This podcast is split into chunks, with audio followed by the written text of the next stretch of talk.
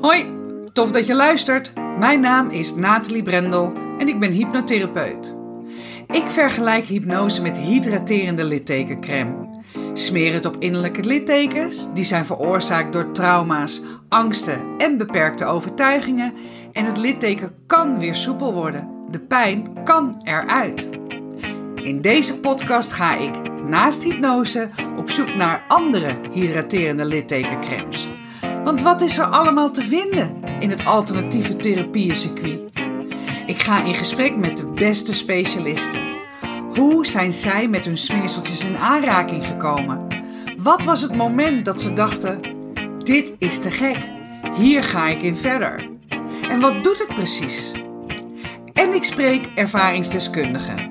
Waarom zijn ze juist deze therapievorm gaan volgen? En wat heeft het ze opgeleverd? Kortom, de verhalen achter de kremmetjes. Welkom bij Smeren met Brendel.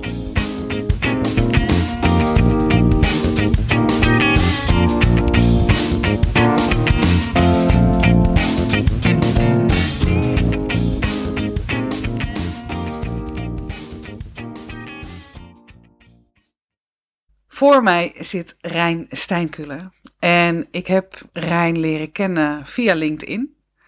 Ik kwam ja, op zijn podcast terecht. Zijn podcast Je Ware Ik. En daar heeft hij ook een site van. En ik heb hem opgezocht en contact gezocht en gevraagd van... Goh Rijn, vind je het leuk om met elkaar in contact te komen... en ook te kijken of we op podcastgebied iets voor elkaar kunnen betekenen? En daar zei hij gelukkig ja op. Dus uh, dank je wel daarvoor. Zeker, nou heel graag gedaan. We hebben al een heel mooi gesprek opgenomen natuurlijk. En uh, dit gaat ongetwijfeld ook een heel mooi gesprek worden. Ja, daar, uh, daar hoop ik op. Ik uh, zit hier bij jou thuis, dus dank je wel voor de uitnodiging. Um, waar zitten we? We zitten in het pittoreske Burgerbrug. Ja. En als ik altijd aan mensen vraag, oh, waar ligt dat? Dan is er zelden iemand die zegt van, oh ja, dat ken ik wel. Maar de meeste mensen kennen het wel als je van uh, Alkmaar naar Den Helder rijdt. Als je naar Texel gaat, naar de boot. Dan rij je bijna langs mijn huis. Ja, dus je zit hier vlak bij het strand? Bij het strand, bij de duinen, de polder. Uh, ja, eigenlijk midden in de natuur. En ik vind het heerlijk. Mooi, mooi. Ben je, ja, want waar kom je eigenlijk vandaan? Ben je hier uit deze regio van origine? Waar komt jouw, uh, ja, waar ben je, waar zat je, heeft jouw wieg gestaan? Mijn wieg stond in uh, Bad Hoeverdorp. Dat zal mensen denk ik iets meer zeggen dan ja. Burgerbrug. En uh, daar heb ik eigenlijk tot mijn tiende gewoond. En eigenlijk een hele fijne tijd gehad. Ik kan me nog herinneren, we woonden in een, ja, echt in zo'n kinderrijke buurt met een groot grasveld voor de deur. En dat was eigenlijk elke dag, ja, ging gewoon lekker naar buiten, voetballen, kattenkwaad. En uh, ja, eigenlijk hele mooie, warme herinneringen. Ik weet ook nog toen we gingen verhuizen. Dat, uh, ik, ik wilde dat echt niet, maar goed, mijn ouders wilden dat toen wel. Dat ik toen zei van, nou ja, als ik later groot ben, koop ik dit huis terug. Oké. Okay. En dus zulke warme herinneringen had ik uh, daaraan. Is die wens er nog? Nee, inmiddels, inmiddels niet meer. Nee, kijk, inmiddels okay. realiseer ik me ook wel dat het natuurlijk uh, niet per se plekgebonden is. Hè, maar natuurlijk als kind ervaar je dat zo. Hè, op die plek ja. heb je het zo fijn. Ja. hey, want um, uit wat voor gezin kom je? Uh, ik ben enigskind. mijn ouders die kregen mij toen, toen ze 43 waren. Dus natuurlijk een relatief late leeftijd. Ja. En uh, mijn ouders zijn wel al samen, of waren samen in ieder geval vanaf nou, een hele jonge leeftijd. En mijn vader had een eigen bedrijf en had eigenlijk altijd zoiets van, nou ja, eigen bedrijf eerst en kinderen, dat komt wel. Ja. Nou ja, tot nou ja, mijn ouders natuurlijk dusdanig oud waren. En als ik mijn moeder moet geloven, heeft ze me op een gegeven moment wel voor het blok gezet van, ja, wanneer, wanneer, wanneer gaat het nu doen? gebeuren? Precies. En uh, ja, dus toen ben ik nog geboren. Dus eigenlijk ook wel een soort wonder, hè? Dat de 43, dat uh, hoor je niet heel veel. Nee. Dus uh, ja, het heeft ook echt zo moeten zijn. Dat, uh, dat gevoel heb ik ook wel. Oké. Okay. En hoe was dat dan om in je eentje op te groeien met ouders die nou, dan relatief wat ouder waren? Maar dat had je waarschijnlijk helemaal niet in de gaten op jonge leeftijd? Of, of voelde je dat wel al? Nee, eigenlijk niet. Mijn ouders zijn ook mensen die eigenlijk tot voor kort echt midden in het leven staan. En uh, dus daardoor merkte ik het ook niet zo. En uh, als je mijn ouders uh, zag, zeg maar tot een paar jaar geleden, dan zou je ze ook niet de leeftijd schatten die ze daadwerkelijk hebben. Oké. Okay. Dus gevoelsmatig ja, was het eigenlijk niet zo. Kijk, ik merk nu wel, mijn vader is 80, mijn moeder is 79. dat ja, de, de ouderdom, als je het zo mag noemen, gewoon om de hoek komt kijken. Mm -hmm. En dan merk ik wel van, oh ja, shit. Hè? En ik merk dat dat ook wel een lastig proces is. Eh, om te accepteren dat je ouders eh, ouder worden. Hè? En dat er bepaalde achteruitgang ook is. Dat dingen niet meer gaan zoals ze altijd gingen. Ja, vind je dat een lastig proces? Ja, ik merk het wel. En misschien ook wel, en dat is wel een mooie vraag die je stelt, dat ik het altijd een beetje heb um, verdoezeld dat ze dus ouder zijn. Hè, dat ik daar niet helemaal aan wilde op een bepaalde manier. En dat hoefde ook niet. Want, nee, want ze gaven je helemaal geen aanleiding om dat te doen. Want ze waren jong uh, in hart en ziel waarschijnlijk. Ja, en nu besef ik wel van oké, mijn ouders die ja, zijn daadwerkelijk op leeftijd. En ik merk ook wel, dat klinkt misschien een beetje gek om te zeggen. Ik heb volgens mij tegen niemand gezegd. Uh, maar dat ik soort van intern me aan het voorbereiden ben op uh, uiteindelijk alleen verder gaan. Ja. En zonder ouders. En dat is ergens een heel gek gevoel, een heel gek idee ook. Hè, om, om geen ouders meer te hebben. Mm maar ik merk wel dat mijn systeem zich daar op een bepaalde manier op aan het voorbereiden is. Ja, op zich herken ik dat wel. Dat, mm. uh, maar goed, ik ben twintig jaar ouder dan jij. Dus, uh, ja. Maar mijn vader is al heel lang dood. Die is overleden dat ik 22 was. Okay. Um, maar mijn moeder leeft wel nog steeds. Is wel dementerend en, en zit in een verzorgingstehuis. Maar mm. ik herken wel het... Um, ja, het dat je je, dat je, je plek ineens uh, weet. Dat, dat de generatie voor je, dat je, dat je aan het opschuiven bent. Ja. Dus, um, en heb je ook, misschien is dat ook een gekke vraag, omdat je niet weet hoe het is om broers of zussen te hebben. Heb je het idee ook dat je nu dan ook alleen achterblijft? Is dat iets wat meespeelt? Ja, dat gevoel heb ik dan wel. Ik heb op dit moment ook geen partner, uh, geen broers of zussen. Nou, mijn ouders, hè, die gaan ooit ook een keer hemelen. Uh, mm -hmm. En als ik me dat dan voorstel, dan voelt dat wel een soort van alleen ergens. Hè? Dan, uh, alsof ik dan echt alleen over ben. Ja. En het is aan de andere kant ook lastig, want ik heb nooit broers of zussen gehad. Dus ik weet ook niet zo goed van hoe was dat dan geweest. Uh, maar als ik even een bruggetje maak naar bijvoorbeeld de scheiding van mijn ouders, dan kan ik me ook wel voorstellen dat het heel fijn was geweest om toen uh, een broer of een zus te hebben. Hè? Dat je niet alleen ook dat proces door hoeft. Ja. Uh, maar dat je iemand hebt die dat ook door moet. Ja, dat maken. snap ik. Nou, laten we dan even het, het sprongetje terugnemen, want je wordt geboren als enigst kind. Dat blijf je ook. Ja. Um, je groeit op, net zeg je in Bad Hoeverdorp, in een, in een hele fijne omgeving. Waar je veel buiten hebt gespeeld. Uh, veel vriendjes, vriendinnetjes had, neem ik aan, daar ja. op dat grasveld ja. voor de deur. Um, dus, dus, een, dus een fijn, fijne, fijne jeugd, als ik je zo behoor. Hoe oud was je dat jouw ouders uit elkaar gingen dan? Dat was niet heel lang daarna, want dat was ook een van de redenen dat we weggingen. Althans, ook een beetje mijn eigen interpretatie. Hè? Maar mijn ouders hebben daar ook wel het een en ander over losgelaten. Van, nou ja, we, we proberen het op een andere plek, hè. Mm. Dus we zijn naar Bergen aan Zee verhuisd. Nou, is misschien iets bekender dan Burgerbrug, maar misschien ook weer niet bij iedereen bekend. En uh, daar hebben we nog, uh, nou ja, ik denk een half jaar als, als gezin gewoond. En toen uh, hebben mijn ouders besloten om in ieder geval tijdelijk uit elkaar te gaan.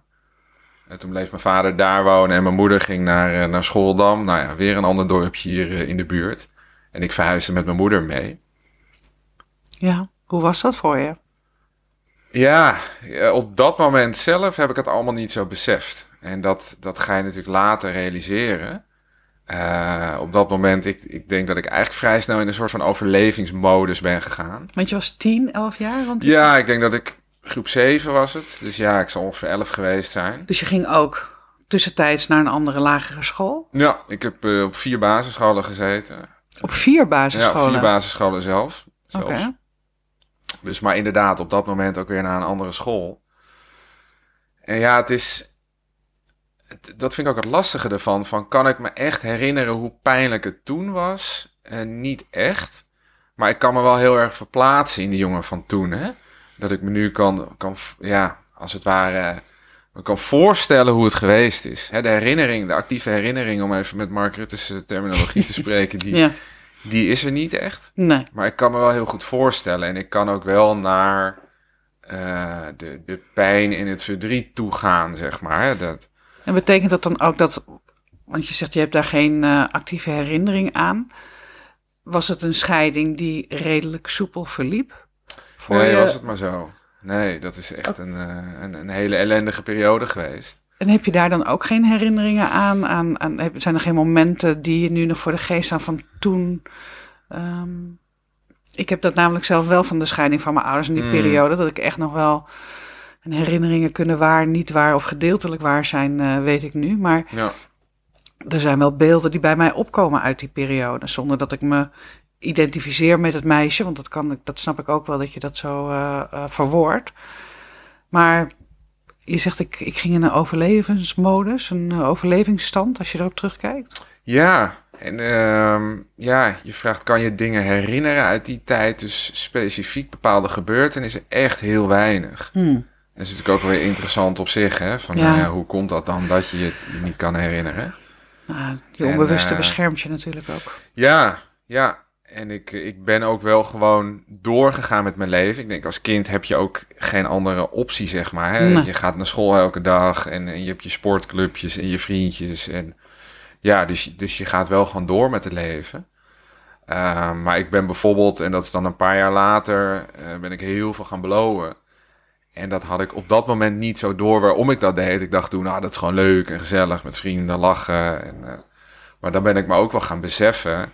Want daar staat ook wel echt een onderdrukkingselement in, hè, of een verdovend element. Om de pijn die natuurlijk wel in mijn lichaam zat, om die niet te hoeven voelen. Hm. En hoe oud ben je dan? Want je bent met je moeder dus verhuisd. Ja. Um, je bent, ik, was dat toen nog zo? Of was er geen co-ouderschap? Uh... Nou, mijn vader die is naar Thailand uh, vertrokken. Oké. Okay. En uh, die had een, een Thaise vriendin. En die is ook daar naartoe gegaan. Hij was wel in de dus zomers. dus het, een weekendje naar je vader, dat, dat was geen optie. Uh... Weinig. Nou, in de zomers was hij wel in Nederland. Uh, maar ja, de relatie met mijn vader is ook wel echt verstoord geweest in die periode. En uh, ja, weet je, ik vind het ook, het is dusdanig lang geleden. Ik heb met mijn vader wel daar inmiddels heel uh, helend over kunnen praten. Dus ik wil ook wel voorzichtig zijn om hem niet nu te veel op die manier zwart te maken. Uh, maar laat ik het zeggen, mijn vader is gewoon afwezig geweest als vader. Ja. En, uh, dus je was met je moeder alleen, even ja. dan in die periode dat je naar de middelbare school ging. Ja. Um, puberteit.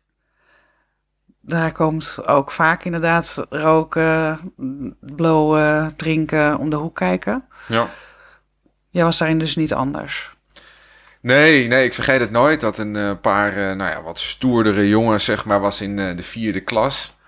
En uh, nou ja, die zeiden, ja joh, ga een keer mee en dit en dat. Nou, ik vond het wel interessant, dus ging een keer mee. En uh, nou, dat was eigenlijk zo leuk dat dat binnen de kortste keren een dagelijkse bezigheid was. En dat ging op een gegeven moment zelfs zo ver dat als we s ochtends op school kwamen, dat we zeiden van, nou ja, wanneer gaat de koffieshop open en wanneer kunnen we? En ja, daardoor ook uh, heel veel lessen misten en eigenlijk heel veel op straat rondhingen. En, ja. En het was ook oprecht een leuke tijd. Hè? Er, er, er zit een, een pijnlijk element aan dat ik me nu besef van het was een stuk verdoving. Maar we hebben het ook wel heel leuk gehad hè? met elkaar. Ontzettend veel gelachen en lol gehad. En, ja, en het is natuurlijk ook een periode waarin je echt je grenzen gaat verleggen. En, Ja. en, en, en over nou ja, grenzen, je weet niet wat ze zijn totdat je er overheen gaat natuurlijk. Dus um, dat snap ik wel, ja. Dat, het, dat, er, ook, uh, dat er ook veel lol uh, bij komt kijken. Het los, uh, losraken van ook je moeder dan uh, en, en meer je gericht, richten op de buitenwereld. Um, vrienden worden in die periode natuurlijk ook veel belangrijker dan, um, dan je Zeker, ouders. je gaat je letterlijk losmaken. Hè? En Ja. in mijn geval misschien een klein stapje terug. Hè? Mijn vader vertrok naar Thailand en uh, mijn moeder had het echt heel zwaar in die periode. Wat ik ook ben gaan doen als kind. Hè? Mijn moeder ontzien, uh, hè? op een bepaalde manier voor mijn moeder zorgen. Uh, waardoor ik natuurlijk ook al heel jong dat heb geleerd, hè? om voor anderen te zorgen. Maar het zorgen voor mezelf, ja, daar was ik in die periode eigenlijk niet toe in staat. En dat kan ik mezelf ook absoluut niet kwalijk nemen. Want ja, als, als kind, hè, hoe doe je dat? Mm -hmm. um, maar ik denk dat dat nog wel een mooie toevoeging aan het verhaal is van die, die eerste jaren van de scheiding. En, en ja, de, de, de strubbelingen tussen mijn ouders, waar ik natuurlijk uh, ook de dupe van was. Ja, dus jij, dat is inderdaad hartstikke goed dat je dat toevoegt en ook zegt. Want aan de ene kant ben je dus heel verzorgend geworden. Heb je een soort uh, taak overgenomen van je vader, Mm. hè, die, uh, Ja. die er niet meer was. Hoe, hoe was dat voor je moeder? Was dat ook voor haar? ehm, heb je er wel met haar over gesproken ook? eh, Hoe dat voor haar was toen ter tijd? Was zij ook echt op jou gericht? Ja, we hebben het daar eh, de afgelopen jaren best wel regelmatig over gehad. Hè? Hoe zij dat beleefd heeft, hoe ik Ja. dat beleefd heeft. En uh, ja, zij heeft dat toch wel anders beleefd. Hè? Ik, in mijn herinnering was ze toen echt heel kwetsbaar. En zo voelde het ook echt voor mij. Waardoor ik mijn moeder dus wilde ontzien voor de ging zorgen. Uh, maar als ik het nu aan haar vraag, dan had zij dat gevoel niet. En hm. ze, ze merkte wel aan zichzelf dat het bij periodes natuurlijk uh, moeilijk ging. Maar de kwetsbaarheid die ik voelde. Die zat in jou. Ja, die, die herkent zij niet zoals ik hem beschrijf. Dus dat is ook wel weer interessant. Ja, dat is zeker interessant, ja. Maar goed, je hebt het wel gevoeld, je hebt het wel ervaren, je neemt het wel mee. Hmm. Vervolgens kom je in, uh, in de puberteit toch uh, in aanraking met uh, inderdaad het blowen. Wat je zegt van dat vond ik super lekker om te doen, omdat je daarin ook ja, het los kan laten. Even, e even niet die zorg, even niet die problemen, even niet wellicht ook gevoel van afwijzing. Um, vanuit je vader die dan, die dan weg is en geen rol speelt in je leven. Hoe lang heb je dat uh, gedaan? Blowen bedoel je? Ja, blowen, op die manier leven. afleiding ja, zoeken. afleiding zoeken. Nou, best wel wat jaartjes. Uh, ik vertelde net, dat was in de vierde klas dat ik daarmee in aanraking kwam. En uh, nou ja, mijn rapport van dat jaar, uh, als ik er nu nog eens naar kijk, dan lach ik me kapot. Want ik denk dat gemiddelde niet boven de vijf uitkwam. Uh, dus ik bleef ook zitten dat jaar. En dat was ergens ook wel een soort wake-up call. Van ja, Rijn, je kan wel lekker uh, lachen, gieren, brullen en uh, de helft van de lessen missen. Maar ja, wat wil je? Hè? Ik zat toen op het gymnasium. Dus ja, je had ook de keus van of je blijft hier op school. Of als je dit niet redt, moet je ook echt van school af. Ja.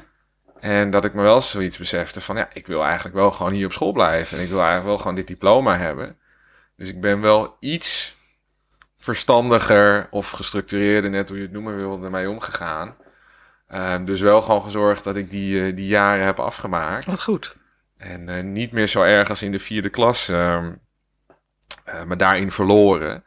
maar nog steeds, ik was wel gewoon verslaafd. En dat is zo eerlijk moet ja? ik ook gewoon zijn. En als de gelegenheid daar was, dan was een van de eerste dingen die ik deed, was een jointje opsteken. Mm -hmm.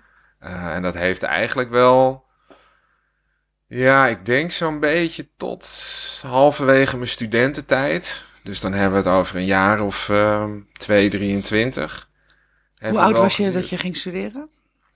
Ik was 20, geloof ik, uit mijn hoofd toen ik ging studeren. En wat ben je gaan doen en waar ben je naartoe gegaan?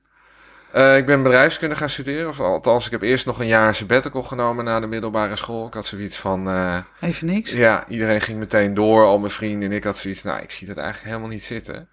Dus ik ben een half jaar gaan werken. Ik ben toen uh, eigenlijk al in de financiële sector gerold. Puur bij toeval, voor zover toeval bestaat. Ja.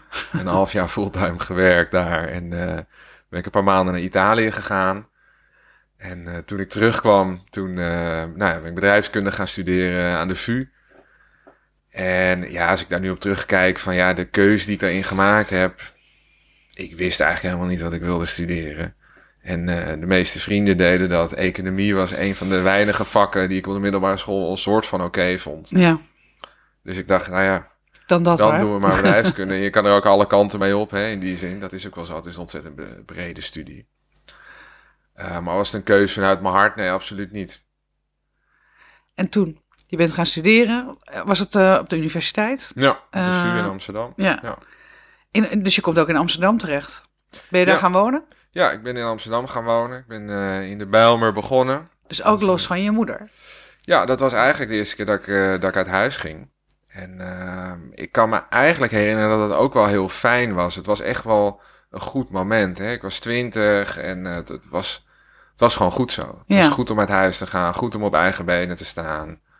En ik kan me niet herinneren dat ik daarin op dat moment nog iets had van ik moet er nog voor mijn moeder zijn of zo. Nee, dat, want zij uh, had zichzelf wel voor jouw gevoel weer ja. herpakt en, en Zeker. nee, dat moet mijn moeder ook echt wel credits voor geven. Hè? Die, die heeft natuurlijk best pittig gehad, maar die, mijn moeder is echt een heel sterk mens. En uh, die heeft met de, de nodige hulp, uh, is er echt weer bovenop gekomen. En oh, mooi. Als ik naar mijn moeder kijk, hoe ze daarna was, denk ik dat ze toen ook echt wel haar eigen leven is gaan leiden. En dat ze te lang ja, een soort van in de schaduw van mijn vader heeft gestaan. En dat ze uiteindelijk, toen ze weer stevig op eigen benen stond, echt wel haar eigen keuzes heeft gemaakt. En haar eigen dromen uh, is gaan leven. Ah, mooi. Dus jij kon naar Amsterdam met een gerust hart. Ja. Hoe was dat? Ja, heerlijk om natuurlijk uh, op eigen benen letterlijk en figuurlijk uh, te staan. En Ja. je eigen huis. En uh, ja, weet je, dan kan je natuurlijk helemaal doen wat je wil. Hoe zag dat eruit, dat doen wat je zelf wil?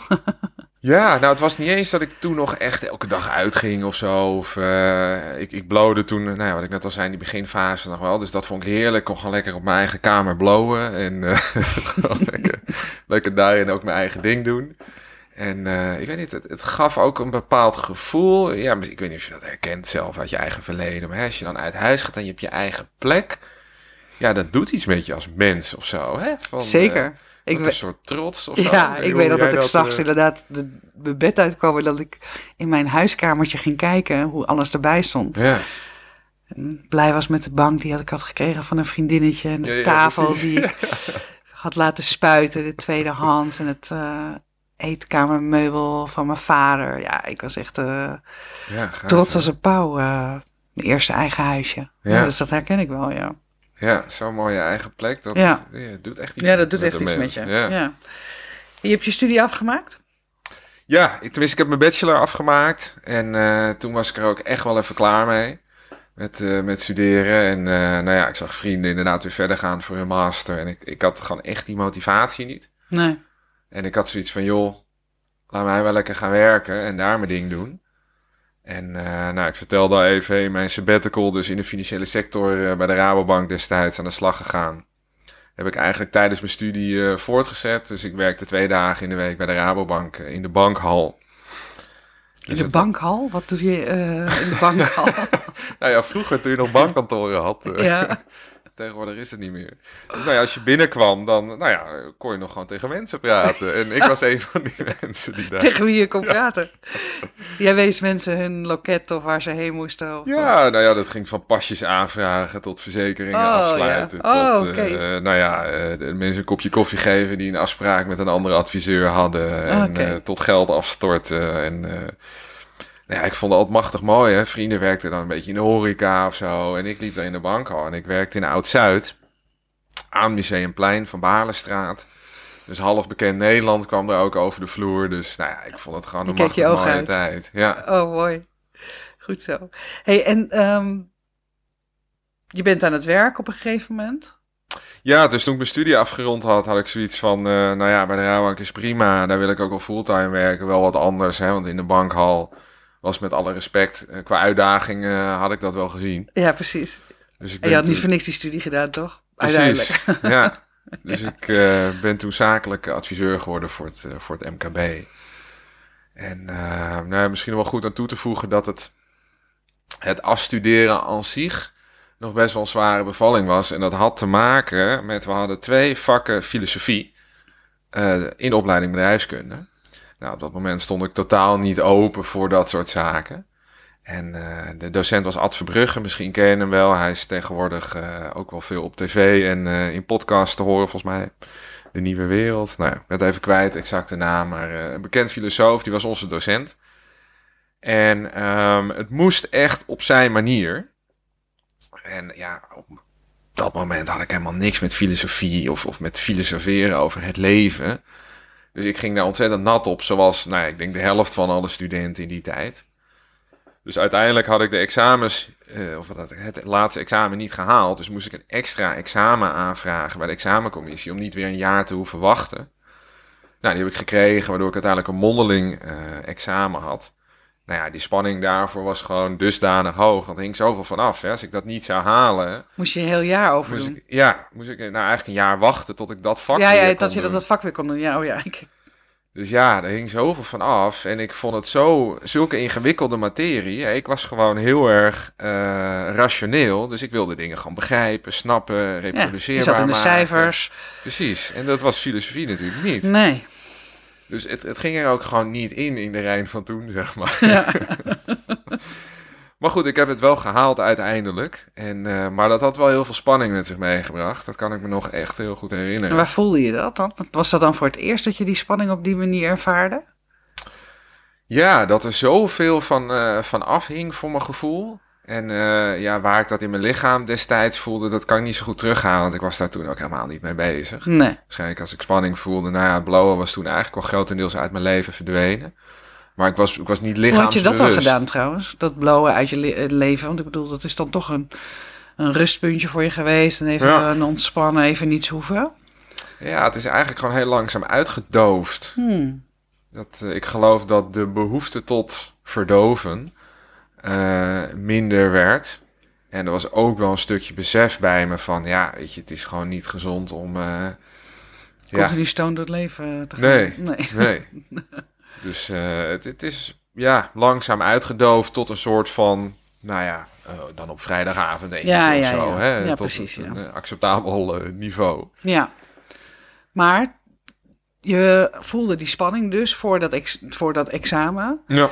Ehm, was dat de eerste keer dat je op die manier dus echt zo spanning ervaarde? Ik denk wel dat het... eh, Bewust in Ja. ieder geval, bewust Ja. niveau? Ja, dat geloof ik wel. Ja, ik zit even heel snel terug te denken van hoe was dat dan voor het schoolexamen van de middelbare school. Ja, dat was dan weer over meerdere vakken verspreid. En ja, dan was het misschien hoogstens de dag dat je gebeld werd, hè? Ja, of ja, je ja, geslaagd was of niet, ja, zeg maar. precies. Oké. Ehm, Maar je haalt het aan, ehm, dus je vindt het belangrijk om te Ja. vertellen. Wat is, eh, je hebt het gehaald ja. en toen ben je, ja, toen ben ik dus eh, fulltime bij de Rabank gaan werken. en je dacht als, van eh, de, de rest van mijn leven gaat beginnen, of niet? ja, ja, min of meer wel. Hoe ja. oud ben je? Ehm, toen was ik 2013, dus eh 27 was ik op dat moment, als 26 nog trouwens. Oké. En, ehm, maar ja, ik was denk ik een week of twee, drie aan het werk. En ehm, toen zat ik s'avonds in de kroeg voetbalwedstrijd kijken. En ik had misschien één of twee biertjes op. En in één keer eh, nou ja, werd het eigenlijk zwart voor mijn ogen. En eh, mijn lichaam reageerde heel heftig. Hele hoge hartslag, zweten. Echt het gevoel alsof ik elk moment dood neer kon vallen. Van het een op het andere moment. Van de een op het andere moment. Ja, Geen Er was geen aanleiding. enkele aanleiding op dat moment. Ik stond gewoon heel ontspannen en eh, potje voetbal te kijken met vrienden. En eh, nee, er was op dat moment geen directe spanning van die dag of de dag erna. Of, of iets in mijn leven wat toen heel, eh, heel hoog opliep. Dus wat dacht je? Ik dacht, eh, ik ga eraan. Of ik eh, een hartaanval of een hersenbloeding. Of eh, nou ja, er, er schieten Er is iets natuurlijk- fysieks ja, aan de hand. er schieten natuurlijk de gekste dingen door je hoofd. Maar je dacht echt dat je dood ging? Nou, in ieder geval dat er iets, iets heel ergs aan de hand was. Omdat dit, het was zo'n intens gevoel. En het was iets wat ik natuurlijk tot aan dat moment nog nooit in mijn leven zo had ervaren. En het voelde echt alsof ik gewoon alle controle over mijn lichaam in één keer volledig kwijt was. Wauw. En dat mijn lichaam gewoon, nou ja, volkomen met me aan de haal ging. En dan ben je ze- ze- 27? Ja, 26 dus Zo. was dat, ja. Ja. Wat ben je gaan doen? Ben je naar het ziekenhuis gegaan, neem ik aan? Nou, wat- nog, nog niet eens. Ambulance gebeld? Nog niet eens, want eh, dat was ook al een ding van mij om eh, het niet aan de buitenwereld te veel te willen laten zien. Dus ik zei wel tegen een vriend van me waarmee ik daar was toen, van, ah, ik voel me niet lekker en wil even mee naar buiten. En het had gesneeuwd, dat weet ik nog. Dus we liepen buiten de sneeuw. Nou, ik vond in ieder geval de koelte, het deed me wel goed. Maar goed, ik, voorzichtig vertelde ik hem wel van, joh, ik voel me echt niet lekker, wazig en ik wil eigenlijk naar huis. Maar ik durf niet alleen, je met me mee naar huis? Want ik, ik was eigenlijk bang dat ik op de fiets zat en gewoon eh, van mijn fiets af zou vallen en nooit meer op zou staan. Wauw. Dus goed, dat had hij gedaan. En eh, nou ja, toen ik thuis eh, bij mijn vriendin kwam, toen mijn toenmalige vriendin. Ja, toen durfde ik eigenlijk niet eens te slapen, omdat ik zoiets had van ja, straks ga ik slapen en eh, gebeurt er in mijn slaap iets, word ik niet meer wakker. Maar goed, uiteindelijk toch in slaap gevallen. En eh, de volgende ochtend, eh nou ja, voelde me verschrikkelijk, dat weet ik nog wel. Maar ja, ik was net begonnen bij mijn nieuwe baan. Dus ik durfde me ook niet ziek te melden. Dus ik ben toch maar in die trein gestapt. En nou ja, ik weet nog dat ik een, een uurtje op mijn werk was. En we hadden op een gegeven moment een vergadering. En we zaten in die vergaderzaal. Eigenlijk precies hetzelfde als wat die avond gebeurde, gebeurde weer. Dus nou, eerst nog geprobeerd om ja, me niet te laten kennen. En eh, te doen alsof er niks aan de hand was. Maar ja, op een gegeven moment ging het gewoon zo slecht. Ik ben die vergaderzaal uitgerend. Ik heb mijn spullen gepakt en eh, ben naar huis gegaan. Dokter gebeld. En eh, nou ja, toen dus wel naar de huisarts gegaan. Ja. Nou ja, die controleert dan, weet ik veel, je bloeddruk. Hè, er wordt bloed afgenomen, wordt onderzocht. En nou ja, wordt van alles eh, ondernomen. En toen ben ik ook eigenlijk in de hele medische molen beland. Hè, van de ene specialist naar de andere specialist. ja, want je denkt er is iets fysieks niet in orde. Ja. En nou ja, uiteindelijk kwam daar niks uit. Of althans, er kwam uit dat ik gewoon kerngezond ben. Wat natuurlijk ergens een hele grote geruststelling is geweest. Ja. En aan de andere kant Heb natuurlijk ook wel iets? het grote vraagteken van... Wat ja, wat de fuck is er dan wel met me aan de hand? Ja, precies. En ik vergeet nooit dat de laatste specialist waar ik was... dat was de, de, long, uh, de longarts. En die zei toen aan het einde van het gesprek... Ja, meneer Steinkuler, heeft u wel eens aan yoga gedaan? En dat ik de, de man toen aankeek van... Uh, ja, yoga. Uh, ik heb er ooit van gehoord, maar dat zie ik mezelf niet doen. Hij zegt, nou, ik zou er toch wel eens over nadenken. Dus die was eigenlijk de eerste die het balletje stress opwierp. En uh, ja, uiteindelijk ben ik toch voor de bijl gegaan. Want als je. Oké, okay, want hou die even vast, want wat dat dan betekent uh, uh, als je voor de bijl gaat. Maar hij zegt van, goh, heb je wel eens aan yoga gedacht? Zei hij ook met zoveel woorden van, jouw klachten zijn stressgerelateerd? In mijn herinnering suggereerde die het. Okay. Zei die niet letterlijk, maar hintte die die kant op, zeg maar. Ervaarde je op dat moment ook stress? Heel veel stress van natuurlijk de angst en de paniek die ik elke dag voelde. Nee, maar, dat, uh, maar... Dat, maar buiten dat waardoor dit was ontstaan, had je er beeld bij op dat moment van... Weinig, weinig. Dat is eigenlijk pas, uh, pas later, hè, als je dan in therapie gaat. En uh, hè, dat ik terug ben gaan kijken naar die tijd. En vandaar noemde ik ook even de, de spanning van natuurlijk het, het afstuderen op. uiteindelijk is in diezelfde periode ook mijn relatie uitgegaan na vijf jaar. moest ik een nieuw huis zoeken, verhuizen. een goede vriend van me die heel ernstig ongeluk heeft gehad, in coma heeft gelegen. Um, het, het dus, het ook... dus het was niet alleen dat examen? Nee, nee. Weet je, het was echt wel een optelsom van dingen in die periode. Die ook meteen weer dingen van vroeger triggerden, losmaakten en naar boven haalden. Maar daar was je je toen dus niet van bewust? Nee, nee, nee, absoluut niet. Nee, ik was me helemaal niet bewust van dit soort dingen. Maar uh, je zei van, uh, uh, dat heeft uiteindelijk toegeresulteerd. Want wat ben je gaan doen nadat de longarts jou een yogalesje voorschrijft? ja, het eerste wat ik ben gaan doen is naar de haptonoom. Dat was via de huisarts. En ik ben daarna, nog voordat ik naar yoga ben gegaan, ben ik naar een ademcoach gegaan. Ik uh, zat toen in het vliegtuig, was een weekendje weg en in zo'n magazine van, ik geloof dat EasyJet was, stond een interview met een, uh, een ademcoach, een nou ja, best wel wereldwijd bekende ademcoach die op Lanzarote een uh, ja, soort luxe huis had waar hij ook retretes organiseerde. En op de een of andere manier had ik het gevoel, ik moet daar naartoe. Dus nou ja, dat heb ik gedaan. Een paar maanden later zat ik daar.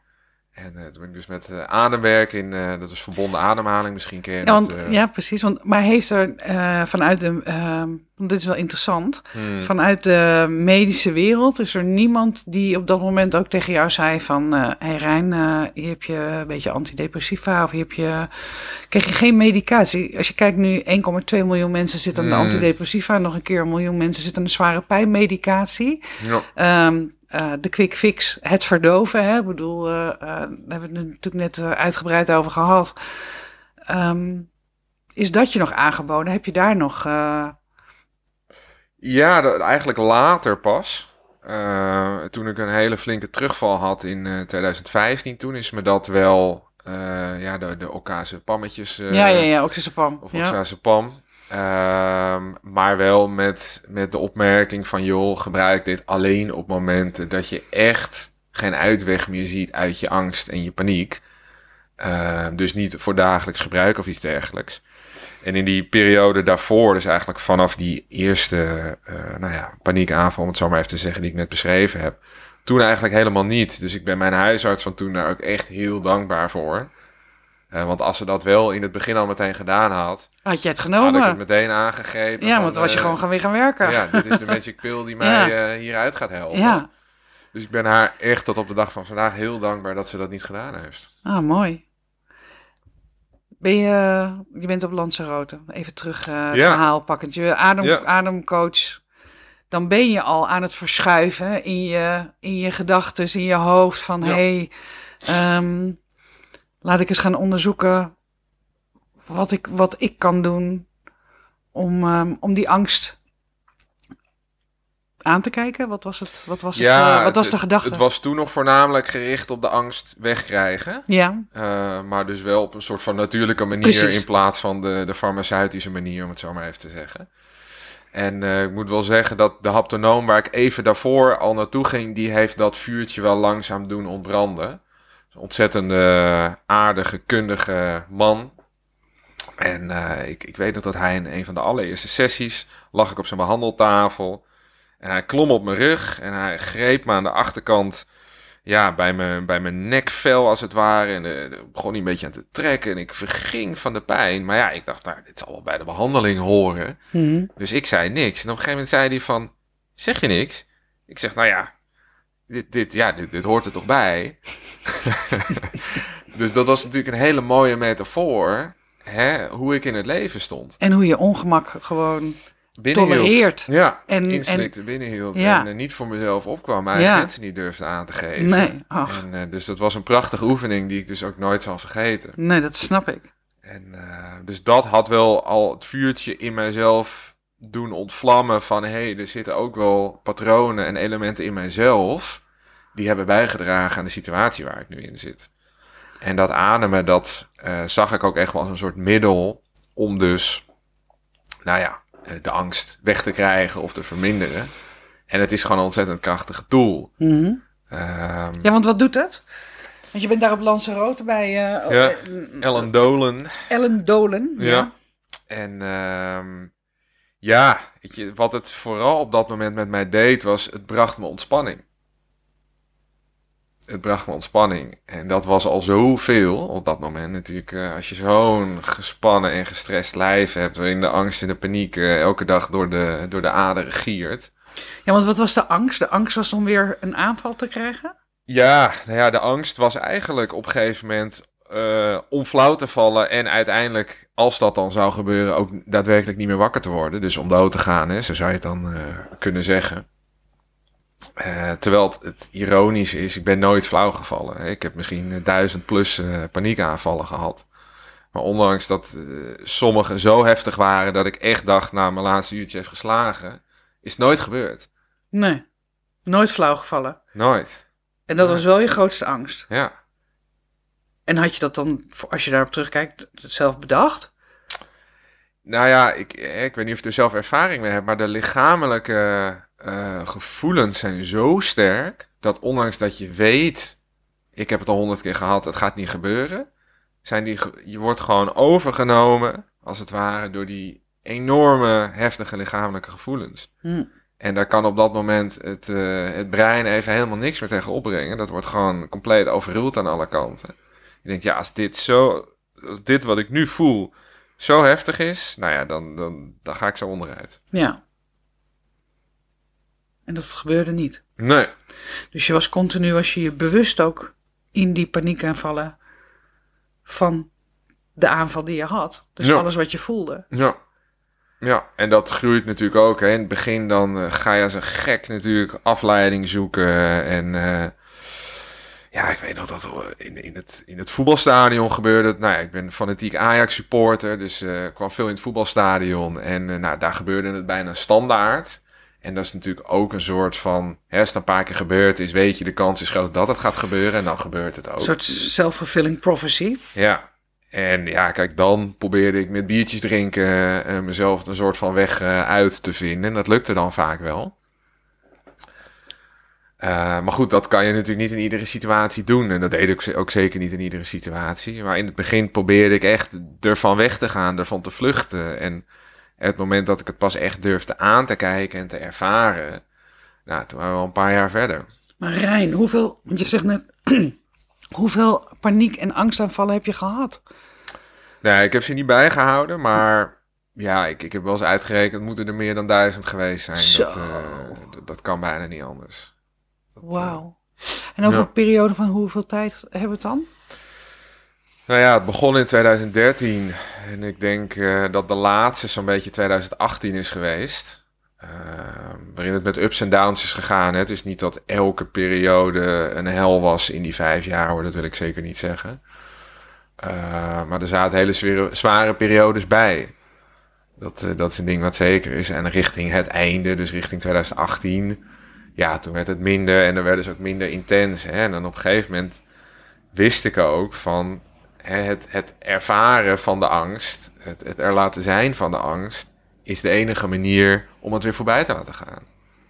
Oké, daar komen we op, want dat is Ja. uiteindelijk dan de oplossing of hè, het. Ja. ehm, je bent op Lanzarote. Je bent daar in die ademsessies. Mhm. Hielp dat jou ontspannen, dat zeg je net. ja. Je komt daarna ook gewoon weer thuis. Zeker. En toen besefte ik me ook wel van, ja, dit haalt de oorzaak niet weg. Hè, dit, dit helpt me in het moment ontspannen. En ik ben er daarna in Nederland eh, ook mee doorgegaan bij eh, Rob Koning, Mr. Bert, misschien eh, Ja. bekend. Die ken ik al. Of van gehoord, laat ik het zo zeggen. Ja, Ja. en dat waren hele fijne sessies. Ik voelde me daarna echt een ander mens.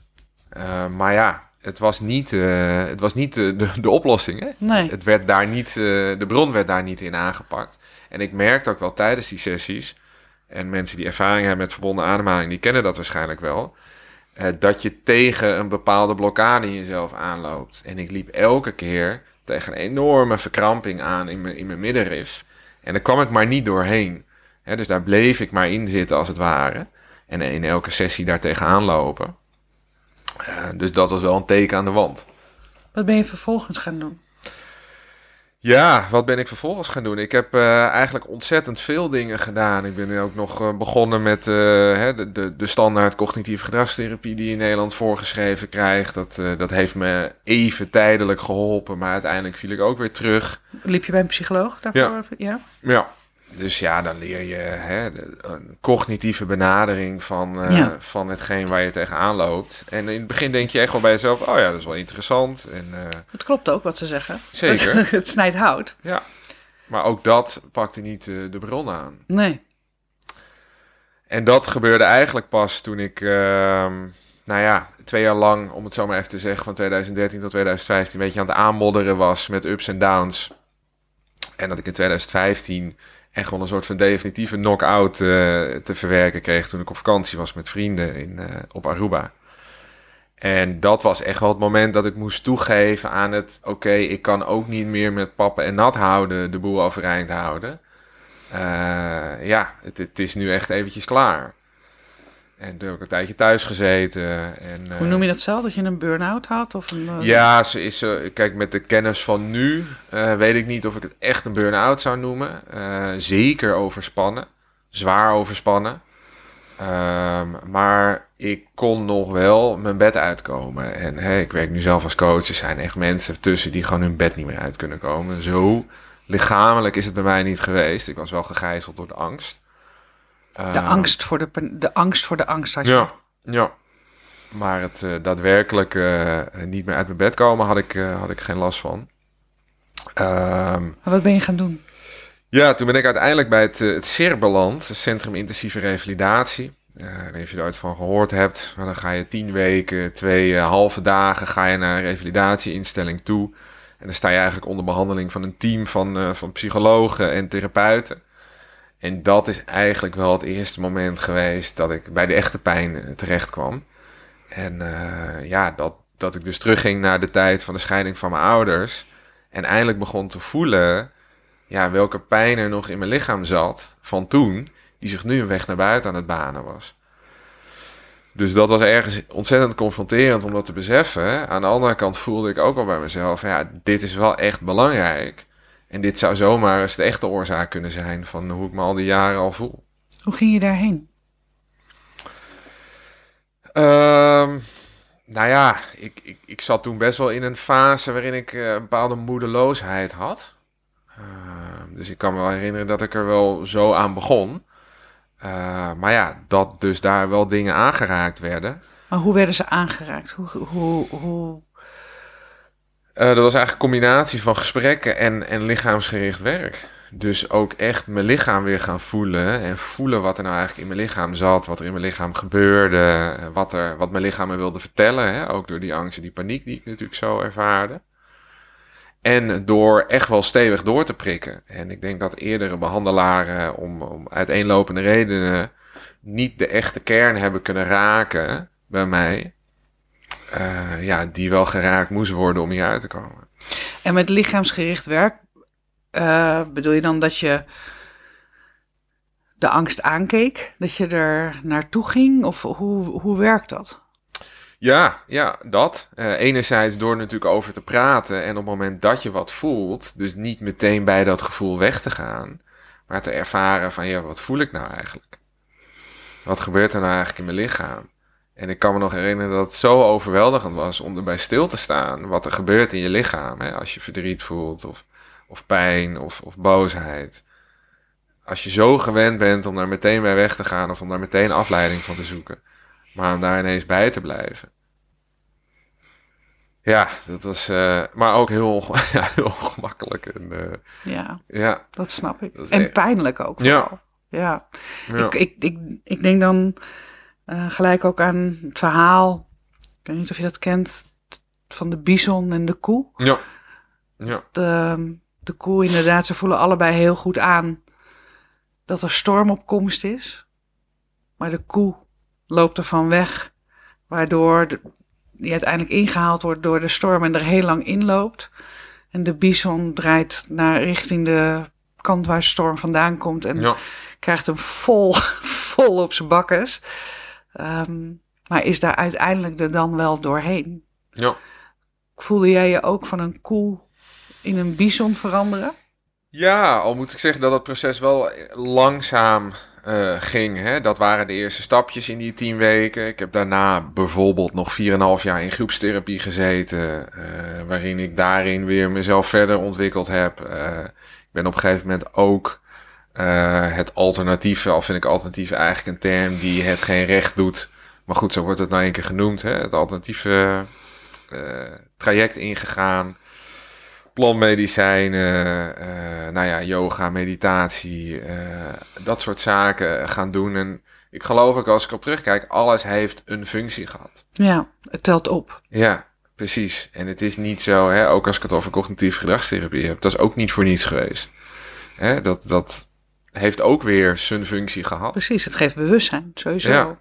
En zo heeft alles zijn functie gehad. En ehm, ja, tot op de dag van vandaag, alles waar ik mee bezig ben, heeft, heeft dus functie. Ja, want waar ben je nu mee bezig? Want je bent nu 36, je hebt eh, een site, je waren ik, ehm, je hebt een podcast waarin je mooie gesprekken voert. Ehm, je bent ook weer het bankwezen ingestapt. Ja. Vertel, waar, hoe ziet je leven er nu uit? Ja, jeetje, hoe ziet mijn leven er nu uit? Dat is wel echt een wereld van verschil met eh, hoe die er tien jaar geleden uitzag. En misschien zit de kern er nog wel in, hè, zonder op de, de individuele onderdelen in te gaan, is dat ik gewoon zoveel dichter bij mezelf gekomen ben. En zoveel meer leven vanuit mijn hart en keuzes maken vanuit mijn hart. En ik geloof dat dat er naast de pijn van de scheiding van mijn ouders ook aan bijgedragen heeft dat ik toen in die situatie terechtgekomen ben. Ja, Dat ik vanuit die overlevingsmodus eh, keuzes ben gaan maken die eigenlijk niet bij mij pasten, maar waarvan ik dacht dat ik ze moest maken om niet afgewezen te worden, om liefde te ontvangen. Nou ja, hè. ja je hebt ook al vroeg... Ja, precies. En wat je vertelde over dat je met je moeder eh, achterbleef omdat je vader wegging. Dat Mm. je die zorgtaak, hè, zorgen dat een ander het eh, goed heeft... ehm, die had je natuurlijk ook al heel vroeg jezelf eigen gemaakt. zeker. Daar was je ook heel goed in geworden. Ja, Zorg voor een ander. absoluut. Ja. En ehm, nou, misschien een mooi bruggetje naar het hier en nu. Ja, graag. Ehm, dit jaar is voor mij ook best een pittig jaar geweest met een relatiebreuk. En ik merkte daarin dat ik, eh, ik ben zo daarin weer geconfronteerd met mezelf, maar op zo'n diep niveau dat ik er eigenlijk van schrok dat hè, ik had mezelf een soort van wijs gemaakt. Nou, ik ben nu tien jaar persoonlijke ontwikkeling bezig, ik ben best wel fair. Hè? En natuurlijk, ik heb superveel geleerd. Maar ik heb op zo'n groot en belangrijk deel van het leven had ik nog een blinde vlek. En eh, dat was eigenlijk de liefde bij anderen zoeken. De waardering en de erkenning bij anderen zoeken. En ik heb dat heel erg eh, bij mijn ex-partner gedaan. Hè, de liefde die ik niet aan mezelf kon geven, bij haar gezocht. Hè, me zo aangepast, dus weer bij mezelf vandaan gegaan. Om maar kleine stukjes liefde, erkenning, waardering te krijgen. En in dat hele traject nadat die relatie eh, was spaak gelopen, begon ik dat te zien. En dat was uh, Nathalie zo confronterend Ja. om dat te zien. Echt dacht van holy shit. Ik ben weer zo ver bij mezelf op bepaalde onderdelen vandaan gegaan. En dat was, uh, ja, dat was echt een pijnlijke constatering. Ja. En ook echt daarin weer uh, de, dus die liefde en erkenning, waardering voor mezelf, dus weer op gaan bouwen. Hè, die ik dus toch blijkbaar weer ergens verloren ben de afgelopen jaren. Ja. En dus ja, daar heb ik het afgelopen jaar echt wel heel veel tijd en energie in gestoken. En ik voel ook dat ik daarin echt op de goede weg ben. Uh, maar zo zie je maar, hè, als mens, uh, ja, je, je bent er misschien wel nooit, hè? Nee, maar en dat zelfs denk... als je denkt dat je er bent, Ja. dan komt er toch iets op je levenspad. Ja, maar ik geloof dat het de, enige mens die kan zeggen dat hij er is, is die monnik eh, op, die, op die berg. Ja, ik bedoel, eh, en voor ons blijft het gewoon heel hard werken. Hmm. Ehm, eh, voor die monnik ook, maar die doet het 24-7. Ehm, dus ja, dat, dat, herken ik, dat herken ik wel heel sterk. Ik heb ook zo- ik heb ook zo'n jaar eh, achter de rug. Ehm, waarbij ik juist eigenlijk andersom. Ik ben getrouwd dit jaar. Ehm, maar ik had juist heel sterk van ben ik nu dat ik minder eh, financiële middelen heb, eh, afhankelijker ben, ben ik het Ja. wel waard? Oh ja. Is het, ben ik wel waardevol genoeg? En, en ik realiseerde me ook dat het tegenovergestelde van waardevol is waardeloos. Hmm. Ehm, en als je jezelf dan ineens het predicaat waardeloos geeft, eh, dat is dan dat is best wel een eh, eye-opener. Dus, eh, ehm, dus de waarde vinden in jezelf, in mijzelf. ehm, en mezelf het ook waard vinden in iedere vorm dan ook buiten materie om, is, is ook voor mij echt een zoektocht geweest het afgelopen jaar. Dus Ja. ehm, Dat kan me voorstellen, ja. ja. ja, mooi. Want hoe voel je je nu? Ja, het is mooi, want je stelde deze vragen ook voor eh, ons gesprek. Ja, En ik merk wel aan mezelf dat ik in een fase zit nu waarin ik het best lastig vind om die vraag te beantwoorden. Hm. Er gebeurt veel, er gebeuren heel veel mooie dingen, maar ik merk ook dat ik weer zoekende ben naar een soort nieuwe balans. En dat is oké, hè? Ik, ik, ik ben er eigenlijk best wel oké mee. Eh, maar daarom vind ik het lastig om nu te zeggen van, oh, het gaat fantastisch. En eh, weet je, er gebeuren heel veel mooie dingen. Eh, maar het leven is ook best intens soms. En er zijn best eh, nou ja, pittige dingen gebeurd ook. En ik, eh, nou ja, je noemde het al even, hè? ik ben weer terug in de financiële sector sinds, sinds twee maanden. Ik combineer eigenlijk mijn eigen coachingspraktijk met het werk als trainer, coach in de financiële sector. hoe tof is dat? Zeker, het is ook ontzettend mooi om. Ik zie het ook wel een beetje als mijn oude werkleven als eh, hè, bankier en mijn nieuwe werkleven als coach met elkaar te combineren. Ja, en voelt het ook voor je dat je, ehm, juist omdat je uit die sector komt, omdat je hun taal spreekt, omdat je op hun stoelen hebt gezeten, Ja, dat je juist de, de, de, zeg maar, de linking pin bent, de, ja, de verbinder in van hé, hey, kijk eens wat er nog meer is en kijk eens in jezelf. ja, Oh, mooi zeg. ja. Ik, het voelt voor mij alsof ik heel veel licht, heel veel liefde, heel veel kracht, heel veel bewustzijn in mezelf heb. En het is belangrijk dat ik dat natuurlijk aan mezelf geef, maar ook deel met de wereld. En het voelt voor mij alsof het eh, de bedoeling is om dat daar te delen en eh, om dat daar te brengen. En volgens mij hebben we het ook over een sector waarin dat best wel eh, Ja, nodig is. nou ja, in ieder geval waar het niet veel, waar het niet gewoon is. Ja. En ik merk daarin ook echt dat ik iets breng ehm, wat inderdaad er nog niet is, of weinig is, laat ik het in ieder geval zo zeggen. Ik, ben niet de enige op de wereld. Eh, maar als ik daar op kantoor rondloop, dan voel ik wel dat, dat ik een andere energie heb dan de gemiddelde energie die daar is. En dat krijg ik ook terug van mensen. En dat is mooi om dat, om dat te ervaren. En dat sluit ook wel op een bepaalde manier aan bij zoals ik mijn missie ervaar. Wat is je missie? Nou, hij is eigenlijk tweeledig. Het is enerzijds inspireren en geïnspireerd worden. Dus ja, ik, ik laat me graag inspireren. Nou, net zoals ik in eh, de podcast die wij eerder hebben opgenomen, waarin ik jou interview, me weer door jou heb laten inspireren. Fijn. En ik inspireer graag anderen. En ehm, dus dat is een deel van mijn, eh, van missie. En de andere is wat ik net aangaf, hè, liefde, licht, eh, kracht en bewustzijn aan mezelf, maar ook met de wereld delen. En uh, weet je, ik geloof erin dat dat tot mooie dingen gaat leiden. En mijn uitdaging daarin is om daarin ook in mijn eigen grootsheid te gaan staan. Hè, zonder dat als een soort ego-ding te willen brengen. maar zoals ik het voel, heb ik daar veel van te delen. Dus mag ik daarin ook mijn plek innemen in de wereld. Hè? Ja. En ik kan hier binnen in mijn werkkamer blijven zitten. Of ik kan de wereld ingaan ja. en uh, op kantoren rond gaan lopen, met mensen in gesprek gaan en op die manier inspireren. Dus het is voor mij belangrijk om dat te doen en dat te blijven doen. Uh, maar ik merk ook, dat vraagt ook weer wat van me. Dat kost ook weer een bepaalde vorm van energie. Dus uh, in die zin om bij mezelf te blijven, goed voor mezelf te zorgen. Ja, daar word ik in deze fase ook weer heel erg uh, aan herinnerd. Hè, mijn ritme is anders, vroeg opstaan, het zijn best lange dagen. Ja. De hele dag op een kantoor zitten, dat is een hele andere dynamiek. Ja, dan, uh, ik, ik ben daarnaast wandelcoach, ja, loop ik in de natuur. Nou, ja. ja grote verschil is er nee, niet. Nee. En je combineert het nu nog? Ja, ik combineer het nu. Dus ik werk drie dagen bij uh, de Volksbank, niet meer bij de Rabobank, bij de Volksbank. En twee dagen mijn eigen praktijk. En voor nu vind ik dat een heerlijke combinatie. En, maar ja, ook daarin, hè, dat is het mooie van het leven. Hè? Je, je kan je eigen werkelijkheid creëren. Absoluut. Dus als ik op een gegeven moment voel dat het anders mag worden, wat dat dan ook mag zijn, nou ja, dan is het de uitdaging om dat weer te volgen. Mooi. Hey Rijn, als afronding van dit uh, gesprek, mm wat zou je um, mensen, misschien ook jonge mensen, je was zelf midden twintig, ja.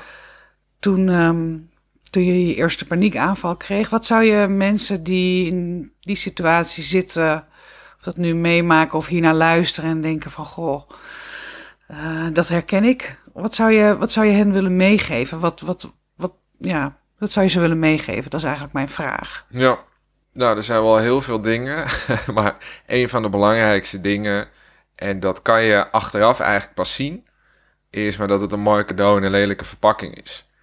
Dat tegenslagen in het leven, hoe zwaar en hoe kloten en hoe pijnlijk en hoe uitzichtloos ze ook zijn, uiteindelijk in bijna alle gevallen ervoor zorgen dat je terugkijkt, dat je denkt, holy shit, het was zwaar, maar het was het waard. Mm. En ik ben hier als mens weer zoveel rijker en uh, ervarener en, en, en blijer en, en liefdevoller van geworden. Ja.